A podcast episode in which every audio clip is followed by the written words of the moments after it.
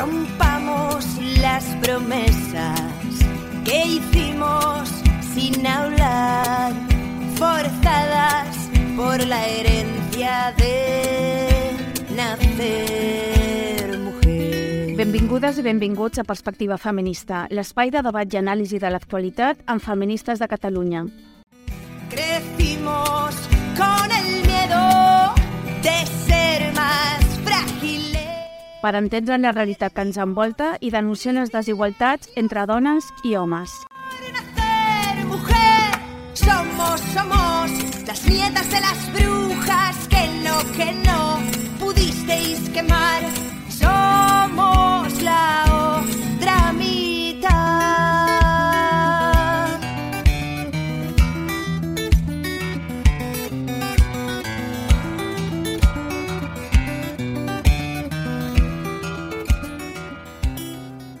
Hola a tothom, benvingudes i benvinguts a aquest quart episodi de Perspectiva Feminista. Soc Pat de Lídia i avui us volem parlar del tema que durant les últimes setmanes ha protagonitzat grans titulars de diaris, tertúlies de ràdio i televisió i portades de revistes.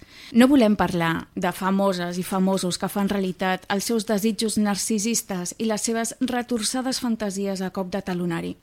Aquest és un espai de divulgació i aprenentatge de feminisme, no la barra d'un bar.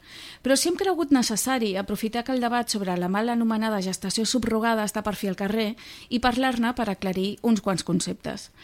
Comencem pel principi. De què parlem quan parlem de maternitat subrogada? Doncs segons la RAE, subrogar significa sustituir o poner a alguien o algo en lugar de otra persona o cosa. És a dir, aplicat a la qüestió que ens ocupa, sembla indicar que una dona substitueix a una altra dona en l'acte o acció de ser mare. Dit d'una altra manera, es contracta a una dona perquè realitzi el que podríem anomenar un servei corporal, entre cometes, que en aquest cas és gestar i parir una criatura. Per evitar confusions, les feministes acostumem a fer servir termes més clarament descriptius per referir-nos a aquesta pràctica. Una pràctica que, de manera similar al que us explicàvem al capítol sobre prostitució, no és quelcom que les dones decideixin fer per pròpia iniciativa, sinó que ho fan donant resposta a una demanda molt particular, la de persones que desitgen tenir criatures amb la seva valuosa càrrega genètica, encara que la biologia del seu propi cos no els ho permeti, i que estan disposades a pagar diners a dones que els necessiten per fer realitat aquest desig, encara que potser hauríem de parlar de caprici, no? Mentres de lloguer és un dels termes que més habitualment fem servir per referir-nos a la gestació subrogada o gestació per substitució, que no és altra cosa que l'explotació de la capacitat de gestació de les dones. Analitzem la qüestió per parts. Una dona, que per cert no acostuma a tenir una situació econòmica gaire afavorida, és embarassada amb l'esperma d'un desconegut o se li implanta un òvul ja fecundat. I a partir d'aquí gesta aquesta criatura durant 9 mesos, com qui fa un curset de dibuix de setembre a juny, vaja. L'apareix, que ja sabem que no fa mal ni té cap risc per la salut, i tot seguit aquest nadó és lliurat a altres persones. I tot això regulat per un contracte amb estrictes clàusules que fan referència a decisions mèdiques sobre el cos de la mare i del nadó, sobre els seus hàbits d'alimentació, sobre la seva sexualitat, la seva mobilitat, entre d'altres aspectes. És a dir, durant el temps que dura tot el procediment, l'anomenada mare de lloguer perd el dret a decidir sobre si mateixa i el seu propi cos i, naturalment, també perd tot dret sobre la criatura. A més, durant l'embaràs se sotmet a la futura mare a teràpia psicològica per tal que no desenvolupi un vincle emocional amb el seu fill, amb l'objectiu que en el moment que li treguin la criatura, és a dir, just després de parir-la, no monti un drama. Quan es parla de la mal anomenada gestació subrogada, es realitza una distinció bastant tramposa entre dos tipus de models, el model altruista i el model comercial. Fem un repàs dels arguments de les persones que defensen aquesta pràctica i comencem pel model suposadament altruista. Ens diuen que això de gestar i parir una criatura per després lliurar-la a altres persones és una cosa que milers de dones en edat fèrtil de tot el món estan disposades a fer per altruisme, ja sabeu, pel desig autèntic i genuí d'ajudar les persones sense esperar res a canvi. Perquè les dones, ja ho sabem, som així d'esplèndides i solidàries, i si algú vol tenir descendència i per algun motiu és igual qui no pot, nosaltres, les dones, estem encantades de portar una persona al món i després regalar-li a qui no pugui tenir-la pels seus propis mitjans.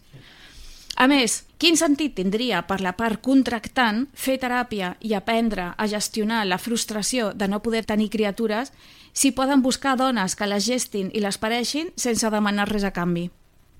Ironies a part, algú pot de veritat creure que hi pugui haver dones que de forma totalment desinteressada estiguin disposades a, per una banda, viure tot el que implica un embaràs, no només a nivell de salut física i emocional, sinó també social i laboral, i que, a més, després lliuri la criatura a unes persones sense saber què en serà d'ella i continuar amb la seva vida com si tal cosa? A mi no deixa de cridar-me l'atenció que sempre s'espera de nosaltres les dones que siguem una espècie d'àngels de la guarda o de fades amb capacitat i voluntat de fer realitat els desitjos dels altres i de garantir el benestar de tot el món, menys el nostre clar. I si no ho fem, som bruixes, males dones o simplement egoistes. Però en aquests casos de suposat model altruista, aquí la pregunta del milió és i què passa amb els intermediaris? Ja sabeu, les agències, els advocats, els metges, també ho fan de manera desinteressada o aquests ja no?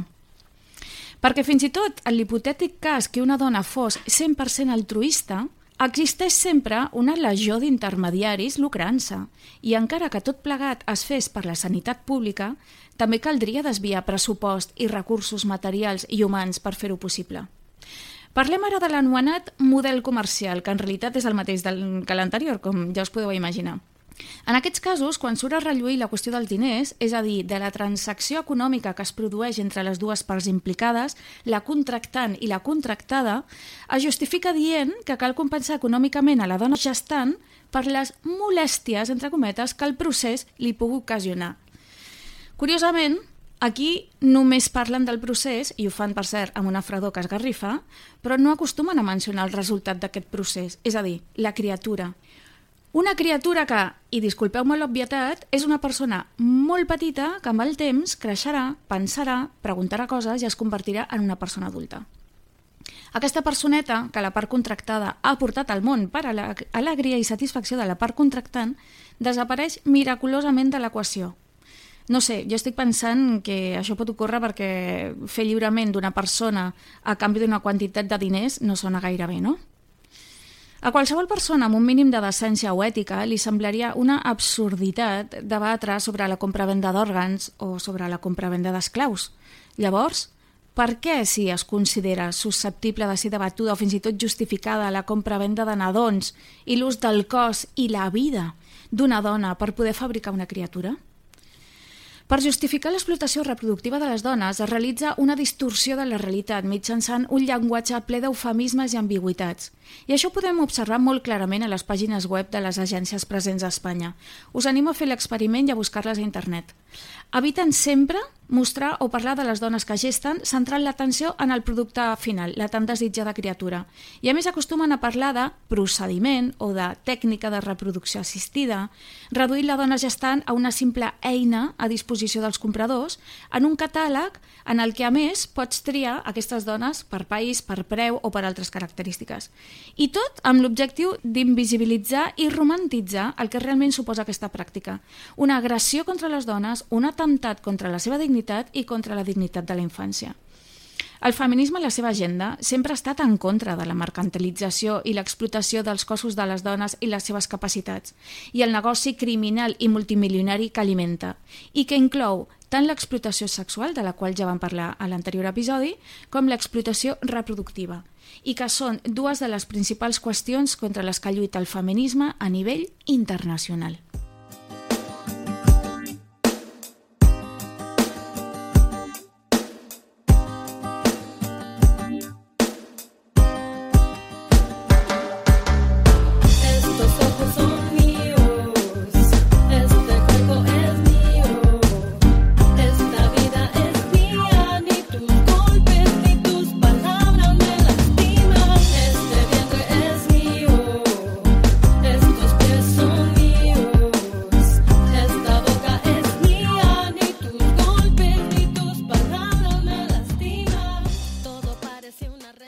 Escoltàvem Este cuerpo es mío, de Rebecca Lane, cantant de rap feminista i anarquista guatemalteca, activista, sociòloga i poeta.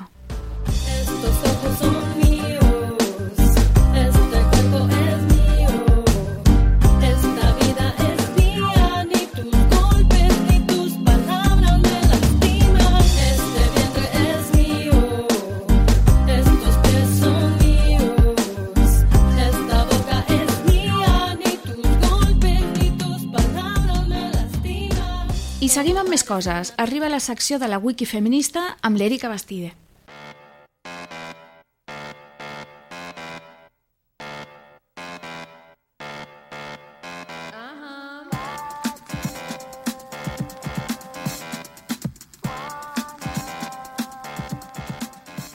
Benvingudes a la Wiki Feminista. Avui comencem amb una pregunta. A què ens referim les feministes quan parlem d'explotació reproductiva? Al capítol anterior, si recordeu, parlàvem sobre prostitució i dèiem que l'explotació sexual de les dones se sustenta sobre la cosificació i la mercantilització del seu cos. Vaig dir que en el context del patriarcat, les dones, els nostres cossos i les nostres funcions biològiques són considerades béns materials que es poden vendre, comprar o llogar. En aquest sentit, l'explotació reproductiva també és una forma de mercantilització del nostre cos i les nostres funcions biològiques. Es tracta d'un negoci que es composa d'una banda de les clíniques de reproducció assistida, que compren i venen òvuls, i de l'altra de les agències que comercien amb la nostra capacitat de gestar. Les persones crítiques amb aquesta pràctica l'anomenem ventres de lloguer, encara que les persones que ho defensen fan servir l'eufemisme gestació subrogada. Si recordeu, dèiem que la mercantilització de les dones es construeix sobre una dissociació entre el cos i ment, i aquesta estratègia es fa molt evident a l'explotació reproductiva. Es parla d'ovodonació com si els òvuls creixessin als arbres, però la realitat és que les suposades donants es sotmeten, a canvi de diners, a un intens tractament hormonal durant diverses setmanes. Hi ha un procediment quirúrgic invasiu amb els riscos que tot plegat comporta per la seva salut. Al tema de l'ovodonació li dedicarem el seu propi capítol, perquè també té tela. Però aquesta dissociació cosment també es produeix amb el tema de l'embaràs durant la l'anomenada gestació subrogada. Ja el nom, ventres de lloguer, sembla com si l'embaràs no fos un procés biològic que trastoca completament tant el funcionament del nostre cos com tota la nostra vida. Ara lloguem un òrgan com qui li deixa un bolígraf a un amic. L'explotació reproductiva a més d'atemptar contra les dones en totes les dimensions possibles, també és contrària a la bioètica més elemental. És la fabricació d'éssers humans, com si les persones fossin productes a la carta. A més del tràfic de nadons que això comporta, que van d'un país a l'altre com si fossin mercaderies que es poden comprar i vendre. També és una pràctica que atempta contra els drets i la salut dels menors. S'han gestat en un embaràs en el que la mare se sotmet a una teràpia psicològica amb l'objectiu d'intentar evitar desenvolupar un vincle emocional amb el seu fill, és a dir, per evitar allò que forma part del procés natural de l'embaràs. A les mares se les indueix a una dissociació com a mecanisme de protecció. Després, en segon lloc, els nadons neixen en cesàries programades abans del termini de part, per la conveniència horària dels compradors. I finalment, només acabats de néixer són arrencats dels braços de la seva mare, l'única persona que coneixen. Tot això comporta unes conseqüències sobre la salut física i mental de la criatura, per no parlar del desconeixement quan aquests nens creixen dels seus orígens i de qui són els seus pares. Potser sorprèn una mica que parlem de la mare quan ens referim a la dona que ha gestat i donat a llum al nadó, però és que a Espanya la filiació materna dels nens la marca el part. Què vol dir això? Doncs que legalment la teva mare és la mare que et va parir. Òbviament hi ha contextos en els que entenem que les nostres mares són les dones que ens han criat, com en els casos de l'adopció, perquè la mare biològica, pel motiu que sigui, no s'ha pogut o volgut fer càrrec de la seva criatura. Però això no vol dir que la teva mare biològica no existeixi. I aquesta és la principal diferència entre l'adopció i les pràctiques d'explotació reproductiva. Una adopció es produeix perquè arrel de la separació, diguem-ne accidental o inevitable, entre un fill i els seus pares, l'Estat entén que el menor té dret a tenir una família. I per això s'intenta buscar una persona o persones que siguin adients per criar aquesta criatura, amb tota la responsabilitat que això comporta. L'explotació reproductiva sorgeix de la idea neoliberal de que les persones tenim dret a ser pares o mares, ja hem comentat en anteriors ocasions que el neoliberalisme converteix els desitjos en drets i en aquest cas, al centre de l'explotació reproductiva hi ha la fal·làcia de el meu dret a tenir fills biològics. I això també s'ha de deixar molt clar. El dret a tenir fills no està contemplat a cap legislació del món. No és un dret, és només un desig i com a tal no ha de ser garantit per llei. Hi ha països on està regulada amb un model suposadament altruista, com Portugal. El que passa és que no hi ha dones que estiguin disposades a fer-ho. El que fan les parelles és que marxen a altres països, com els Estats Units, i tornen a fer la inscripció al seu país d'origen, on la llei més altruista del món els hi permet inscriure a un nadó comprat. A Portugal, per exemple, es reconeix el dret a la mare a penedir-se de donar llum al seu fill i durant els primers 20 dies, després del part, té aquesta oportunitat. Què passa? Que cap comprador vol arriscar-se aquesta possibilitat. S'estimen més anar a un altre país, agafar la criatura que han encarregat, pagar i marxar sense haver de preocupar-se de res més. Els contractes de gestació subrogada no són legals a Espanya i la gent marxa fora per explotar dones pobres i comprar els seus nadons. La llei que s'està saltant en aquest cas és l'article 10 de la llei 14 barra 2006 sobre tècniques de reproducció assistida, que diu Será nulo de pleno derecho el contrato por el que convenga la gestación, con o sin precio, a cargo de una mujer que renuncia a la filiación materna a favor del contratante o de un tercero. I a més afegeix, la filiación de los hijos nacidos por gestación de sustitución será determinada por el parto. Aquí també us un tros de la Llei Orgànica 1 barra 2023 que modifica la de salut sexual i reproductiva inter i interrupció voluntària de l'embaràs, que diu La ley recoge también las formas de violencia existentes en el ámbito de la salud sexual y reproductiva de las mujeres, en línea con el Convenio de Estambul. Se incluye la esterilización y la anticoncepción forzosas, el aborto forzoso y la gestación por sustitución, creando además un itinerario de medidas destinado a la reparación integral de las víctimas de estas violencias. I la llei ho diu molt clar. La gestació per substitució, els ventres de lloguer, són violència contra les dones. I ara li passo la paraula a la meva companya, l'Anna Gran, que ens parlarà de l'actualitat.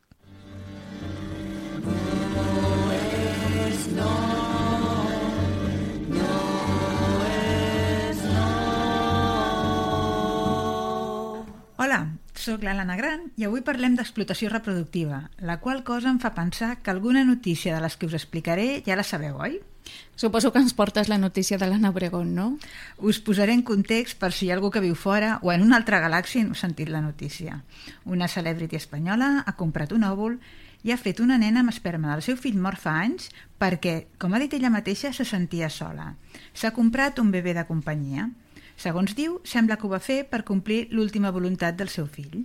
Bueno, però a veure, com si el fet de ser l'última voluntat d'una persona abans de morir la convertís en una petició legítima o raonable, no? En fi.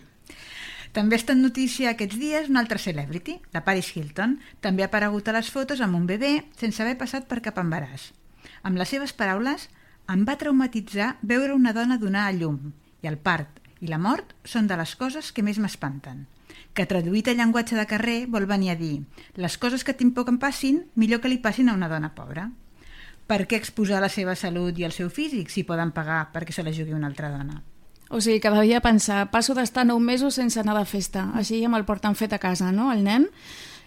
I a més és que si parir li fa por, que es prepari per criar i educar, perquè parir és un momentet al costat de tota una vida d'esforços. Però la cosa no es queda aquí, perquè vaig començar a fer recerca i vaig començar a dubtar del títol de la secció i vaig estar un pèl de proposar-vos canviar actualitat en perspectiva feminista per un passeig per la botiga dels horrors. Ja m'ho imagino.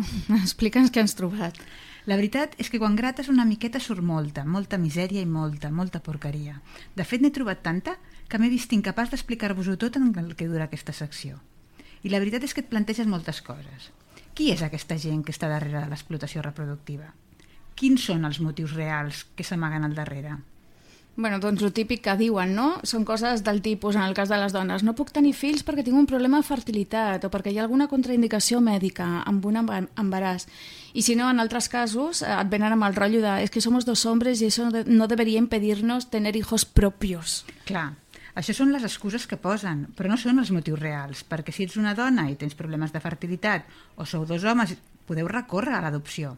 Però clar, et faran passar uns tests d'idoneïtat que segurament no passaries i no pots escollir el producte final. Cert. I si a més els planteges la possibilitat de l'adopció, es queixen de que és molt difícil adoptar, que si és lent, que si és car, que si cal superar unes farragoses valoracions, en fi. Clar que és lent, perquè el que es prioritza és el benestar del nen, no el teu. Per tant, això són excuses. Les motivacions reals són unes altres. Veiem algunes notícies que he trobat i intentem esbrinar què hi ha al darrere? Va, sí, som-hi. Una de les primeres coses que vaig trobar va ser un vídeo de TikTok d'una dona embarassada, americana, que era la segona vegada que gestava per una altra dona. Aquesta noia estava en un hospital plorant perquè el metge li havia dit que el part s'havia d'avançar per la seva pròpia salut, però la família compradora li havia dit que de cap manera, que si el bebè estava bé, ella s'havia d'esperar, perquè ells volien estar presents al part, que així ho havien pactat. Que fort. O sigui, els contractants havien bàsicament comprat el pack sencer, no? l'experiència completa, i els importava un ple del benestar de la mare. El que mostren al final és una mica absoluta d'empatia i un egoisme que fa por. Exacte. Egoisme podria ser una motivació. Quan tenir un fill hauria de ser potser un dels gestos més altruistes que hi ha.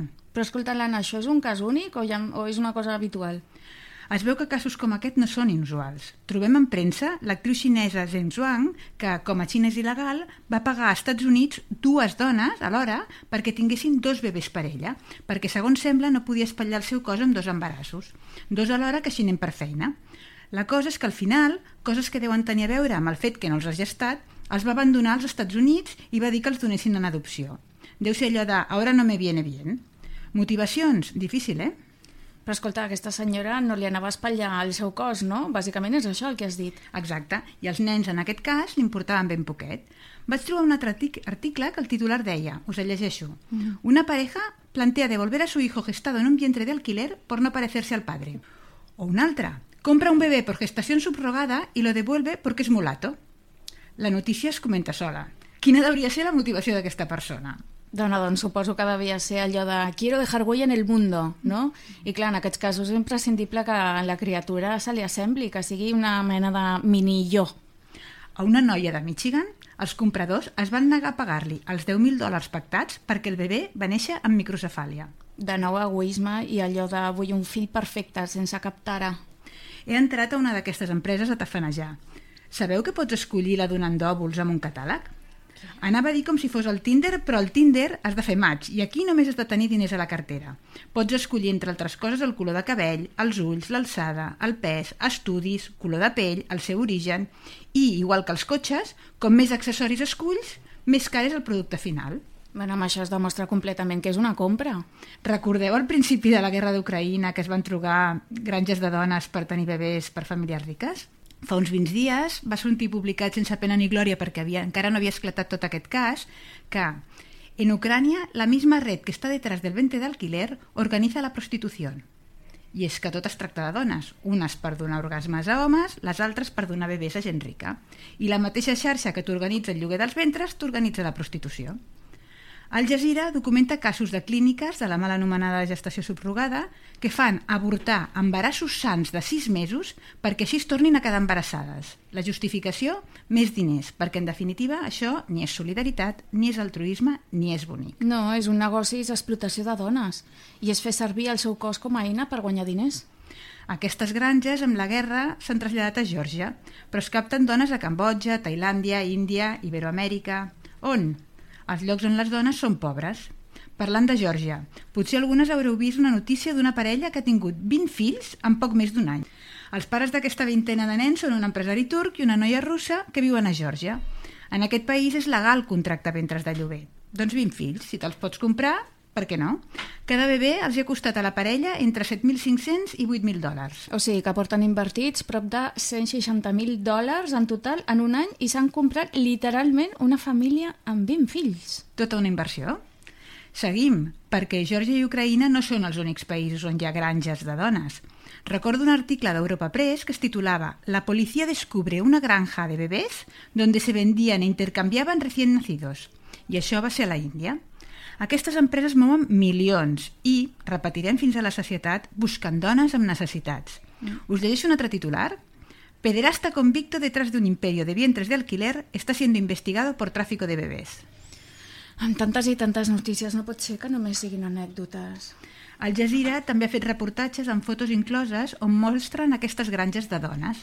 A les fotos es veuen habitacions, tipus cases de colònia cutre, amb dones i més dones. Les mateixes dones denunciaven que les tractaven com bestiar. Altres fàbriques mundials de nens són Nepal, Índia, Iran, Kènia, Guatemala. Els hi paguen 300 euros per embaràs. I aquesta és la clau de tot, el negoci. Reduir costos per augmentar beneficis. Hi ha hagut casos documentats de dones gestants que han estat forçades o coaccionades a portar a terme un embaràs en contra de la seva voluntat. També hi ha hagut informes de dones gestants a la Índia que han estat sotmeses a pressions o amenaces per part de les agències de gestació subrogada perquè continuïn amb embarassos perillosos i que han rebut un tractament indegut durant el procés.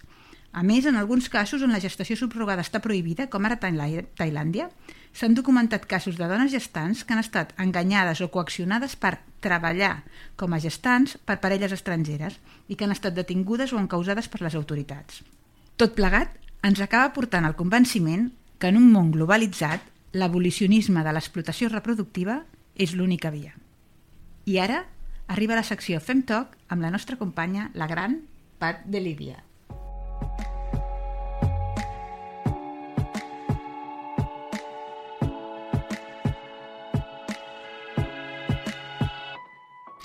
I a la nostra Fem Talk d'avui parlem amb Berta O. García, copresidenta de CIAMS, Coalició Internacional per a l'Abolició de la Gestació per Sustitució, i coordinadora de l'edició en castellà del llibre Gestació subrogada, un enfoque feminista abolicionista de l'explotació reproductiva, recentment publicat per l'editorial Serendipia.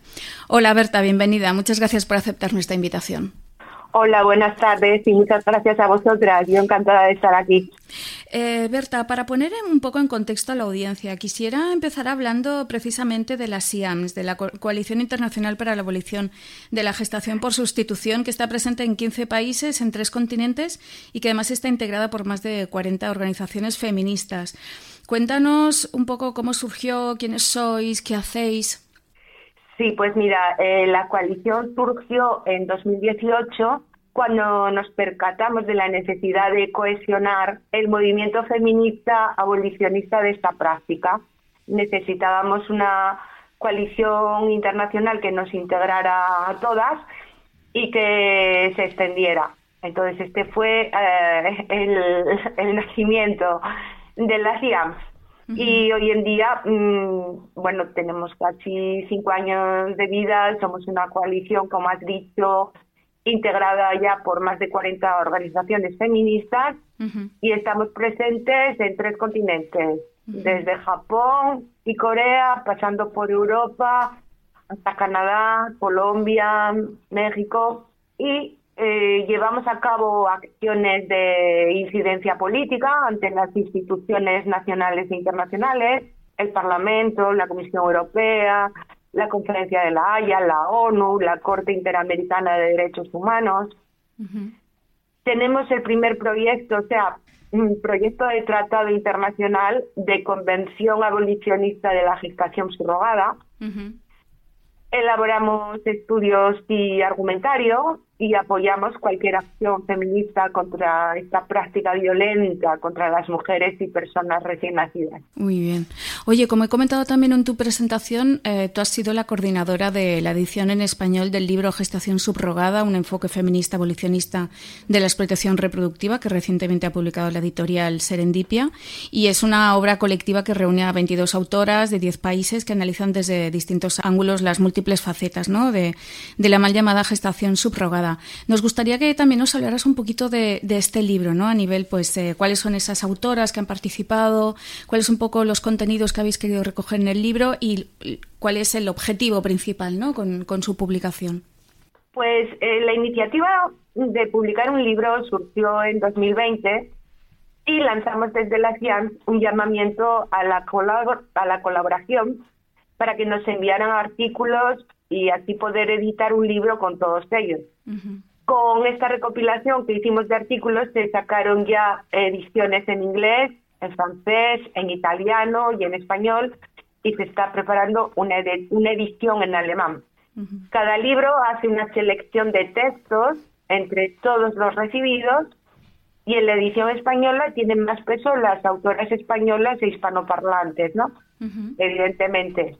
Claro. Y contamos con autoras tan conocidas como Lola Venegas, Alicia Villares, Nuria González, Ana Tejo Pulido. El libro, como bien dijiste, se titula Aceptación subrogada, entre interrogantes, ¿no? Sí, sí, sí. un enfoque feminista abolicionista de la explotación reproductiva. Y a través de sus páginas podemos ver cómo operan los resortes de la explotación reproductiva de las mujeres y la cosificación y mercantilización de seres humanos recién nacidos. Ujú. Enfoca la práctica de la gestación subrogada desde el punto de vista teórico, histórico, político, científico, lingüístico, en fin, la variedad de textos y la procedencia geográfica de sus 22 autoras hacen posible una comprensión crítica global de la gestación subrogada. Claro. Por lo que, bueno, esta obra es una referencia indiscutible para comprender cómo opera la industrialización de la fertilidad humana y el peligro de las puertas del mercado. Sí, fundamental, sin duda. Tal y como hemos estado comentando a lo largo del, programa de hoy, hemos creído necesario aprovechar que el debate sobre, sobre, la mal llamada gestación subrogada está por fin en la calle, pues para aclarar unos cuantos eh, conceptos. Y bueno, tú y yo ya habíamos hablado antes, ¿no? Fuera, fuera de micro, y una de las cosas que me dijiste y que a mí me llamó mucho la atención hablando de la mal llamada gestación subrogada es que, bueno, es, me decías que es un relato construido sobre sobre mentiras. Y me parece una idea muy, muy interesante que me gustaría mucho que nos pudieras explicar. Pues sí, mira, porque para empezar, subrogar es sustituir o poner a alguien o algo en lugar de otra persona o cosa. Y ni la gestación, ni la digestión, ni la respiración, ni ninguna función fisiológica se pueden subrogar afirman una y mil veces que la mujer dona o cede su capacidad de gestar a otra u otras personas, convirtiéndose ella en gestante subrogada, siendo tal cosa imposible, no puede ocultar la realidad de esta práctica, que consiste en inducir a una mujer al abandono del hijo o de la hija que ha gestado y traído al mundo, cederlo a terceros mediante acuerdo o contrato y traspasar su derecho de filiación sobre ese bebé, que es la clave de esta práctica, mm. puesto que no existiría de no darse ese traspaso jurídico de la criatura a quienes la han encargado. La legalización de varios delitos, el delito de abandono de un menor, el delito de venta y compra de menores y el, y el delito de alteración de la filiación. Y otra de las mentiras también es que se afirma que se trata de una técnica de reproducción asistida, y evidentemente no lo es, porque las técnicas de reproducción asistida se aplican en personas con problemas de infertilidad, pero usar a una mujer que es fértil y no tiene ningún problema para reproducirse, para que por contrato geste y traiga al mundo una criatura que deberá ser entregada a terceros, no es una técnica de nada, ya que no cura ni revierte la infertilidad de nadie. Y hay más mentiras porque también se dice que la mujer gesta un embrión ajeno y eso es imposible mm. porque desde el momento en que se hace una eh, un trasplante de órganos, una transfusión de sangre o una transferencia embrionaria a un cuerpo, todo lo que pasa a un cuerpo es suyo, según las leyes y, y según eh, todos los principios bioéticos que rigen el modelo internacional de trasplante. Nadie te puede pedir que devuelvas la sangre que te han transfundido, ni que devuelvas el órgano que te han trasplantado. Pero aquí se pide que la mujer devuelva un embrión ya convertido en bebé, después de nueve meses de gestación y un parto. Sí, sí, hay siempre como esa tergiversación, ¿no? De los conceptos, de las palabras, siempre hay como esa, ¿no? Lleno de eufemismos. Sí, llena de, eufemismos, de oxímoros, de contradicciones, de mentiras, en una palabra. Sí, sí, efectivamente. Oye, y Berta, ¿en España qué está ocurriendo? Porque, claro, eh, ya hemos comentado en el programa que eh, esta es una práctica que está prohibida en España. Eh, y sin embargo, hay mucha gente de aquí que lo está haciendo en el extranjero y luego se, se trae los críos aquí, ¿no? Esos bebés. ¿Qué, ¿Qué está ocurriendo en España? Para que la gente lo entienda. Bueno, pues porque en España se está aplicando la instrucción 2010, que es una instrucción prevaricadora vigente ya desde hace 13 años y que permite que eh, se traigan bebés eh, nacidos por encargo y contrato en el extranjero, siempre que en ese país extranjero, como puede ser Estados Unidos o Canadá, una sentencia judicial de un juez o una jueza de allí declare eh, padre o madre o padre y madre mm, del bebé nacido a las personas que lo han encargado, tengan o no conexión genética con este bebé. Entonces, lo que está prohibido en España se permite realizarlo en el extranjero. Ahora has dicho, lo primero que has dicho es que esto se produce gracias a esa instrucción el 2010 que es prevaricadora. ¿A qué te refieres exactamente para que la audiencia también lo entienda? Pues es prevaricadora en un sentido. Mira, eh, la ley de eh, reproducción humana asistida no reconoce la gestación subrogada como técnica de reproducción asistida, obviamente, por lo que expliqué antes, ¿no? Utilizar a una mujer fértil no revierte la infertilidad de nadie ni la cura. Eh, entonces, bueno, solo están recogidas en la ley aquellas técnicas acreditadas científica y clínicamente como técnicas y se excluye la gestación subrogada porque no es una técnica. En cambio, la instrucción 2010, si la lees, en todo momento se refiere a la gestación subrogada como una técnica de reproducción humana asistida. Es decir, contradice la ley española en, fondo y forma. o sea, el espíritu de la ley lo contradice y permite el fraude. A pesar de que en España son, son muchas ¿no? las personas que han recurrido a, esta práctica legal, ilegal, perdón, y han, y han, aprovechado esta instrucción para registrar estos bebés aquí, en realidad la polémica ha saltado solo a raíz del caso de, de Ana Obregón, ¿no? fundamentalmente, entre otras cosas, pues por ser mujer, por tener ya una cierta edad y porque además ella misma ha querido darle una gran visibilidad en la, en la prensa rosa. Pero al margen de estas cuestiones, me decías, me comentabas también fuera de micro que este caso concreto tiene unas particularidades, ¿no? Desde el punto de vista legal que lo hacen especialmente llamativo. Eh, me gustaría que nos contaras cuáles son esas particularidades también para que la audiencia entienda de qué estamos hablando. Pues sí, este caso presenta unas peculiaridades específicas porque no se trata de una gestación subrogada típica tal y como la conocemos, eh, me dediqué a indagar cómo era la legislación en Florida y resulta que allí no está permitida la gestación subrogada a personas solteras, solo a parejas casadas. Entonces ese fue ya el primer choque que me encontré. Digo, ¿cómo está siendo posible esto? Indagué un poco más y me encontré con algo peor de lo que habíamos imaginado y que consiste en lo siguiente. Mira, en Florida, cualquier persona casada o soltera y sin límite de edad puede encargar un bebé por gestación subrogada, es decir, utilizando a una mujer, para ser adoptado este bebé. El quid de la cuestión reside precisamente ahí, en la adopción. Normalmente se adopta un menor ya nacido para darle el derecho a vivir en una familia idónea. Pero aquí se ha hecho justo al revés. Se ha creado por encargo y contrato un bebé con el fin de que su madre lo abandone nada más nacer y lo ponga en manos de quien lo ha encargado.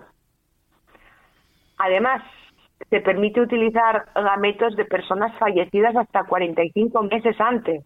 Esto es impensable que ocurra en los países que han suscrito el Convenio de la Haya para la protección de menores en situación de adopción. Porque las legislaciones sobre adopción internacional que emanan de este convenio prohíben taxativamente que los progenitores, y en especial la madre, dé consentimiento a la adopción del bebé antes de que esté nazca y que lo haga mediante pago o que lo traspase directamente a las personas que lo van a adoptar. Siempre tiene que intermediar el Estado como garante de los derechos fundamentales de ese menor.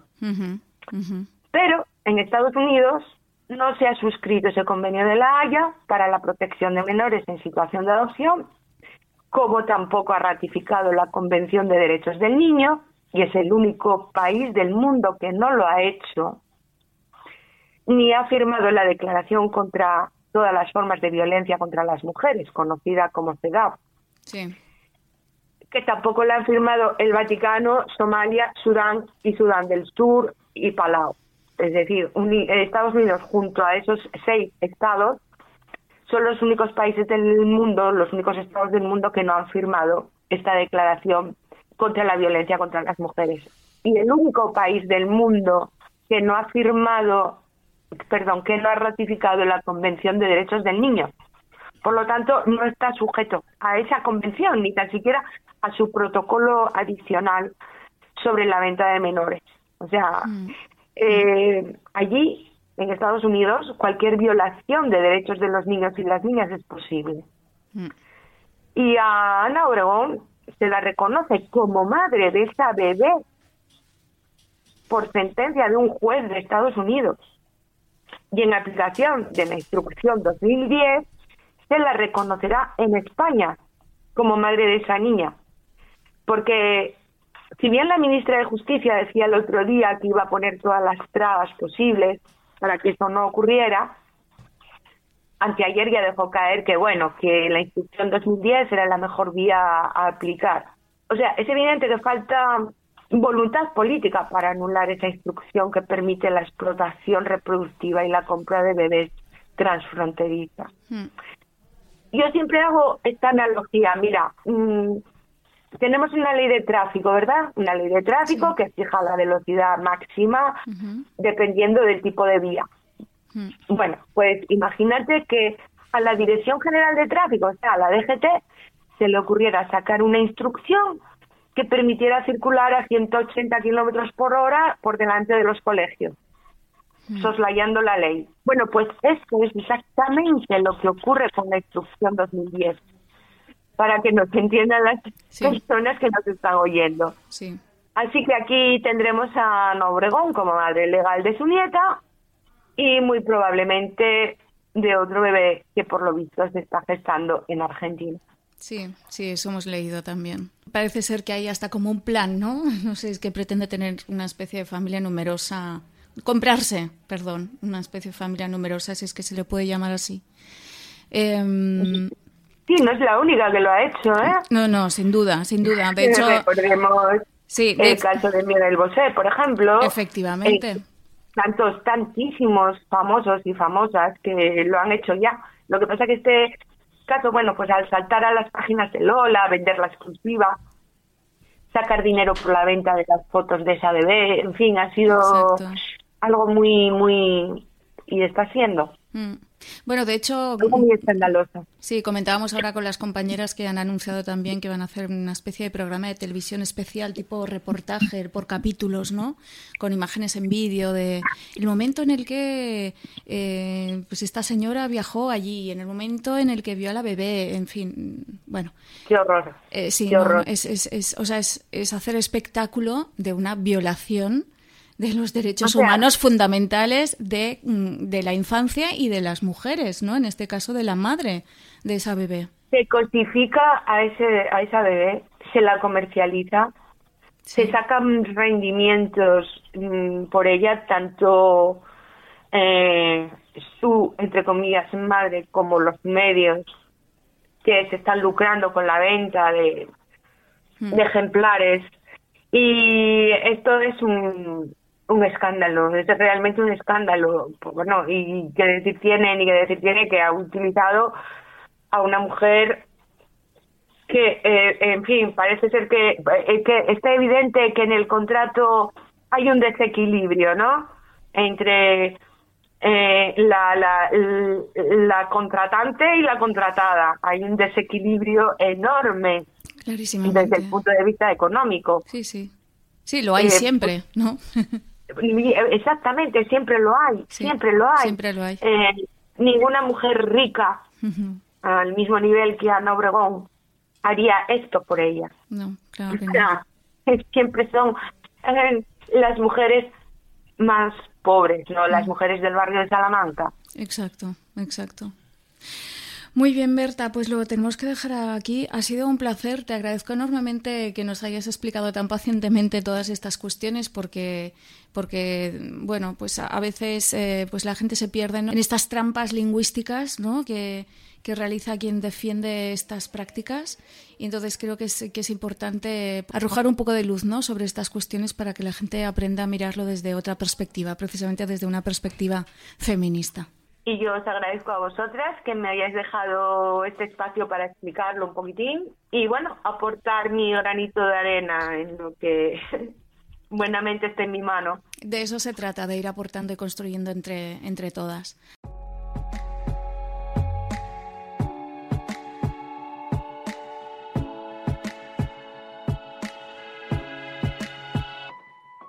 I fins aquí el Perspectiva Feminista d'aquesta setmana. Moltes gràcies per la vostra atenció. Si voleu seguir la feina de Feministes de Catalunya, podeu consultar la nostra pàgina web feministes.cat i també podeu seguir-nos a través dels nostres perfils de xarxes socials a Twitter, Instagram, Facebook i TikTok, visitar el nostre canal de YouTube o escoltar aquest mateix programa en diferents plataformes com Spotify o iVox. Ens acomiadem amb el tema musical Nací Mujer, de Diana Abella, artista colombiana de hip-hop i activista pels drets de les dones. FB7 Estudio, Lupa, Diana, Diana Bella. Nací mujer. Pero mujer nací en un mundo pa' machos, de huevas, de pantalones, de golpes, de maltrato, de infidelidades, de irresponsabilidades, de guerras, de multinacionales. Pero mujer nací en un mundo de varones donde a cada uno siete esclavas corresponde la propiedad del alma, sin respeto de nada. Pero nací mujer para estar callada. Mujer nací según el mundo para asearlo, para saber cocinar y los hijos criarlos. La labor doméstica y los ojos cerrados, limitada la vista al perímetro privado. Característica el silencio, la sensibilidad. El llanto como solución, amor incondicional a todo en cuanto hiera. Amar, refutar, aguante máximo porque mujer nació para aguantar, buscar la voluptuosidad, asegurar la venta. El éxito es un marido que mantenga y libertad se entenderá como poder trabajar haciendo de modelo presentadora de farándula y nada más que saber callarse porque según muchos el chisme es lo mejor que ya saben. Pero mujer nací, aprendí a resistir. El rap es mi argumento, tengo algo por decir. Vamos que nada nos detenga, la lucha continúa, la victoria espera. Vamos que mujer representa la vida, el argumento, el amor y la fuerza. Vamos que nada nos detenga, la lucha continúa, la victoria espera. Vamos que mujer representa la fuerza. Mujer nace cuando sabe qué es lo que en el mundo hace. Mujer nace cuando ama la lucha incansable, cuando se aferra al pensamiento, cuando estudia la injusticia para encontrar lo correcto en el momento que separa la belleza del cuerpo, encontrando en su interior la estética de lo perfecto. Dignidad, con tanta dignidad, pues somos todas las muertes violentas, pues somos todo el dolor que alimenta la movilización desde la periferia. Pues mujer nací en un mundo pa' machos, para contradecirlos y también admirarlos, para cuestionarlos y con amor mejorarlos, para unir mis manos a sus manos y perdonarlos por la gran ignorancia de la que sufren y sufrirán durante años por irrespetar a las dueñas de la tierra, al hogar de la vida, a la magia eterna, el poder dar vida, el poder ser ella mujer, nací orgullosa de este mi cuerpo y mis ideas. Nací mujer, orgullosa del hip hop y de mis ideas. Vamos que nada nos detenga, la lucha continúa, la victoria espera. Vamos que mujer representa la vida, el argumento, el amor y la fuerza. Vamos que nada nos detenga, la lucha continúa, la victoria espera. Vamos que mujer representa la vida, el argumento, el amor y la fuerza. Pero mujer